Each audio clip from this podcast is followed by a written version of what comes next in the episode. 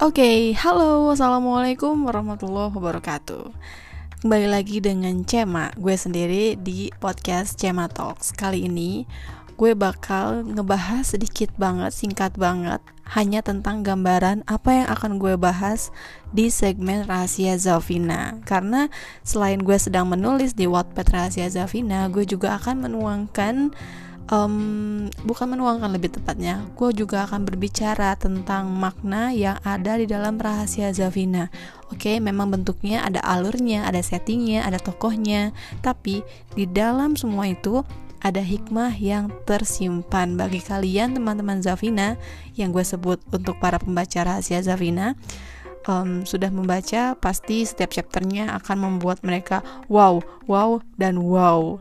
Nah, di sini di podcast Cema Talks di segmen Rahasia Zavina ini bakal membahas satu persatu bedah buku lah istilahnya perihal rahasia Zavina yang insya Allah bahasannya itu akan gak jauh-jauh dengan apa yang ada di dalam rahasia Zafina tentunya berdasarkan pengalaman Zafina itu sendiri dan Zafina itu adalah aku. Oke, okay, jadi yang bakal aku bahas nanti insya Allah kalau misalkan memang ada tambahan alhamdulillah. Kalau misalkan emang ada yang kurang ya aku minta maaf.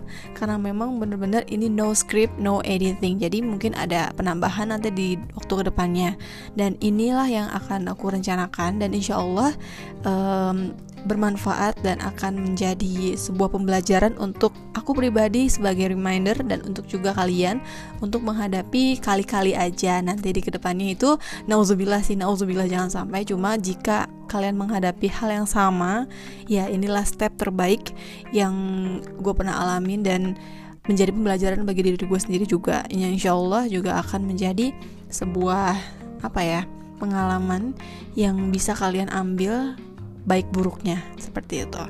Oke okay, rencananya gue bakal um, ngobrol di podcast Cematok segmen Rahasia Zavina ini ada beberapa konten yaitu insya Allah ada Rahasia Zavina strip HIV ada Rahasia Zavina strip LGBT Rahasia Zavina strip mitomaniak atau kebohongan karena ingin diakui ada Rahasia Zavina strip bucin ada rahasia Zavina strip siap menikah.